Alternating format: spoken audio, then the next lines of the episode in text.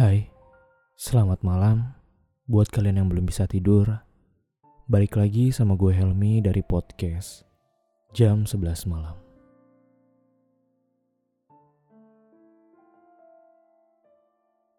Oke, hari ini tanggal 4 Maret 2020, tepatnya jam 1 dini hari gue ngerekord podcast ini. ah, tadi pagi ya gue habis baca salah satu quotes di Instagram itu tentang sebuah kehilangan. Bagaimana cara kita menghadapi sebuah kehilangan? Dan malam hari ini gue bakal ngebahas itu. Ngebahas bagaimana cara kita mencintai sebuah kehilangan. Setiap orang pasti pernah merasakan sakit hati. Setiap orang pasti pernah merasakan kecewa. Setiap orang pasti pernah merasakan ditinggalkan oleh orang yang mereka sayang baik kita yang meninggalkan dan berujung penyesalan, ataupun kita yang ditinggalkan oleh orang yang kita sayang. Mencintai sebuah kehilangan itu sulit, sulit banget. Kenapa? Karena lu harus menurunkan ego lu. Lu harus mencintai diri lo sendiri. Lu harus menurunkan gengsi lu. Dan lu harus kuat nih untuk membuat seolah-olah tidak terjadi apa-apa. Itu nggak gampang, harus dipaksa. Membuat keterpaksaan menjadi kebiasaan itu nggak mudah, itu sulit. Karena kita nggak akan pernah bisa menghindari yang namanya sebuah kehilangan. Setiap ada pertemuan pasti ada perpisahan. Hanya mereka yang memiliki hati yang kuat yang bisa melalui proses itu. Jadi ya, lo harus siap untuk ditempa ketika lo menghadapi sebuah kehilangan. Dan ngomongin kehilangan, gue pernah punya pengalaman nih dulu ketika gue masih bucin sama alay ya. Jadi uh, dulu gue pernah menjalin sebuah hubungan dengan seorang wanita. Ya kurang lebih hampir satu tahun lah nggak lama. Uh, ketika gue menjalani hubungan dengan wanita itu, gue ngerasa kalau gue itu sudah melakukan yang terbaik. Gue udah memperjuangkan dia mati-matian. Dan pikiran gue pada saat itu bukan lagi yang gimana nih caranya gue harus uh, langgeng pacarannya sama dia. Enggak. Pikiran gue pada saat itu udah yang gimana nih cara gue nikahin dia. Gimana nih cara gue untuk ngumpulin duit yang banyak buat nikahin dia. Dan ya namanya jodoh ya nggak ada yang tahu. Dan hubungan pasti ya ada pasang surutnya. Sampai suatu ketika gue berada di titik di mana gue berantem sama dia dan kita nggak ada ngedapetin solusi. Ya, dia lebih memilih untuk meninggalkan gue. Gimana perasaan gue ya kalian tau lah. Sedih pasti. Kecewa jelas. Marah banget. Pada saat itu gue tanpa sadar gue marah banget sama dia. Timbul dendam di dalam diri gue. Dan ya gue terfokus untuk gimana nih cara gue untuk membuat dia nyesel udah ninggalin gue? Gimana nih cara gue untuk membuat dia minta maaf sama gue? Itu fokus gue pada saat itu. itu pikirannya jelek banget sebenarnya. Salah. Salah kalau lo mikir kayak gitu. Ya sebenarnya ada positif dan negatifnya sih. Uh, negatifnya adalah yang pertama, lo akan diselimuti rasa amarah. Yang kedua, lo akan diselimuti rasa dendam. Yang ketiga, lu bakal kena penyakit hati. Ini yang paling bahaya, penyakit hati. Dan ya ada positifnya juga. Positifnya adalah lu akan termotivasi untuk oke, okay, gue harus bisa jadi cowok yang sukses misalkan. Gue harus bisa jadi cewek yang sukses. Buat tunjukin ke dia biar dia ini nyesel nih ninggalin gue. Lu akan mengupgrade diri lu. Itu positifnya. Tapi itu bisa dibilang positif ketika lo mengupgrade diri lo sendiri karena lo mencintai diri lo. Bukan karena lo ingin membalaskan dendam atau membuat dia menjadi menyesal sudah meninggalkan lo. Setiap orang punya caranya masing-masing untuk berdamai dengan diri mereka sendiri. Setiap orang punya caranya masing-masing untuk mencintai sebuah kehilangan. Kita nggak bisa nih ngebuat orang, eh lo harus kayak gini nih biar lo bisa ikhlas kehilangan orang yang lo sayang. Gak bisa. Setiap orang punya jalannya masing-masing. kita, tugas kita sebagai orang lain, itu cuma bisa menguatkan dan mensupport orang itu. Gak bisa nyuruh dia, lo harus seperti ini, seperti ini, seperti ini, gak bisa.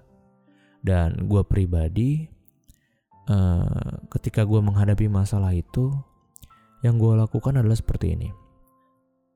Lo boleh melakukan apa yang gue lakukan, tapi kalau misalkan lo punya cara tersendiri, ya lakukan dengan cara lo sendiri. Karena yang mengerti hati lo ya cuma lo doang, bukan orang lain. Jadi pada saat itu yang pertama gue lakukan adalah gue healing dulu. Gue butuh ketenangan diri. Karena ketika kita udah bisa tenang, kita bisa lebih berpikir secara jernih. Dan kalau lu mau berdamai dengan diri lu, ya lu harus bisa menerima kenyataan yang ada. Lu harus bisa menerima pahitnya kenyataan yang ada. Dan yang gue lakukan pada saat itu adalah gue butuh waktu satu malam untuk memikirkan semuanya. Jadi pas itu jam 7 malam sampai jam 12 malam. Gue mikirin semua kenangan yang pernah gue lakuin sama dia. Gue mikirin semua rasa sakit yang gue terima dari dia. Gue mikirin semua perasaan sakit yang dia terima dari gue, semuanya. Susah, pasti. Perih, iya. Gak mudah mikirin semua yang lo hindari gitu loh. Dan ya cuma itu yang bisa lo lakuin.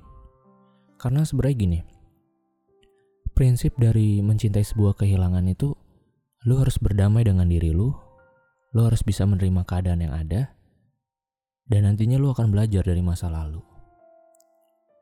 Ya sebenarnya seiring berjalannya waktu, itu bakal terjadi sih. Lo pasti bakal lebih dewasa dan bisa lebih menyikapi itu.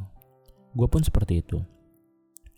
Gue mikirnya gini, umur gue udah 24 tahun gue udah bukan lagi masuk yang fase remaja, gue udah masuk ke fase dewasa. Dan lingkup pertemanan gue adalah orang-orang yang jauh lebih tua daripada gue. Dari situ, gue bisa belajar banyak dari mereka. Karena mereka memiliki, apa ya, punya pengalaman tentang cinta dan juga kehidupan yang jauh lebih tinggi daripada gue. Gue serap ilmu mereka. Gue berteman dengan orang-orang yang lebih dewasa dari gue. Ya, intinya gue mengambil, apa ya, mengambil ilmunya lah gue baca buku, cari referensi dan lain sebagainya. Dan dari situ gue mikir, apa yang udah gue lakuin dulu itu sebuah kesalahan. Seorang manusia tidak akan pernah bisa memiliki manusia yang lain. Jadi kalau misalkan kita ketemu orang baru, ya yang bisa kita lakuin cuma belajar. Belajar gimana caranya kita harus mentreatment dia. Gimana caranya kita harus mengerti dia. Itu emang gak gampang itu harus dipaksa dan mengubah keterpaksaan itu menjadi kebiasaan. Dan nantinya ketika lu udah bisa berpikir secara dewasa dengan menurunkan ego lu, itu bukan itu bukan cuma berdampak di kehidupan percintaan lu doang. Itu akan berdampak di kehidupan lu sehari-hari. Kenapa? Karena setiap harinya lu akan introspeksi diri. Yang tadinya mikir misalkan lu diselingkuhin. Ah, aku diselingkuhin, dia yang jahat ketika lo sudah bisa berpikir secara dewasa, yang lo pikirin pasti kayak gini. Oke, dia selingkuh. Mungkin salah gue. Gue yang kurang perhatian sama dia. Gue yang gak bisa ngertiin dia. Gue yang kurang memberikan waktu gue untuk dia. Nah, jadi nanti secara gak langsung, setiap harinya, lo akan introspeksi diri, introspeksi diri, dan lo akan menjadi pribadi yang jauh lebih baik. Prinsip gue seperti ini. Jodoh lu adalah cerminan diri lu. Kalau lu mau mendapatkan jodoh yang setia sama lu, ya lu harus setia sama orang itu. Kalau lu mau mendapatkan jodoh yang bisa menyayangi lu dengan tulus, ya lu harus belajar bagaimana caranya menyayangi seseorang dengan tulus. Kalau lu nggak mau tahu rasa sakitnya disentil orang, ya jangan nyentil orang. Gitu sih. Jadi nanti dari situ lu bakal belajar banyak hal. Dan ketika nanti kalau misalkan lu ketemu lagi sama mantan lu atau orang yang terdahulu, yang keluar dari mulut lu bukanlah cacian amarah. Bukan yang kata-kata apa sih yang keluar dari mulut lu, tapi rasa terima kasih. Terima kasih sudah membuat gue menjadi pribadi yang jauh lebih baik. Terima kasih sudah menguatkan gue. Terima kasih sudah mengajarkan gue kedewasaan. Terima kasih sudah membuat gue belajar dari masa lalu dan tanpa sadar membuat gue untuk bisa menghadapi setiap masalah yang gue terima. Jadi intinya di podcast ini gue mau belajar bareng sama kalian. Ketika kita sudah bisa mencintai sebuah kehilangan, kita bakal sadar kalau apa pun itu bukan melulu tentang kita. Kita harus bisa belajar untuk lebih mengerti orang lain. Apa pun yang terjadi, itu pasti bakal ada alasannya. Ada sebab, ada akibatnya juga gitu loh. Dan ya, sedikit belajar untuk menurunkan ego kita. Karena ketika kita bertemu dengan orang yang baru, ya kita harus bisa menyesuaikan diri. Kita harus bisa belajar. Itu aja sih. Dan ya, kayaknya cukup sekian dulu ya podcast kita pada malam hari ini. Ah, buat teman-teman makasih banget yang udah mau denger celotehan gue. Semoga selalu ada pelajaran yang bisa diambil ya dari setiap uh, episode yang gue bawain. Dan untuk kalian yang mau curhat ataupun sharing tentang masalah cinta, pekerjaan, kehidupan bisa banget. Bisa email gue di jam11.m@gmail.com atau DM gue di @helmifauzan n2 di Instagram. Kalian bisa ngirim berupa audio atau teks itu terserah kalian. Dan di sini, gue nggak janji untuk bisa menyelesaikan masalah kalian, tapi gue bakal berusaha untuk menjadi pendengar yang baik buat kalian dan semoga apa yang gue sampaikan bisa sedikit meringankan beban kalian. Baik, sedikit ucapan selamat malam dari gue untuk kalian. Tidurlah, tarik selimutmu, matikan lampu kamarmu, buang jauh rasa gelisahmu lalu lenyapkan rasa rindumu. Gua Helmi dari podcast jam 11 malam. Selamat malam.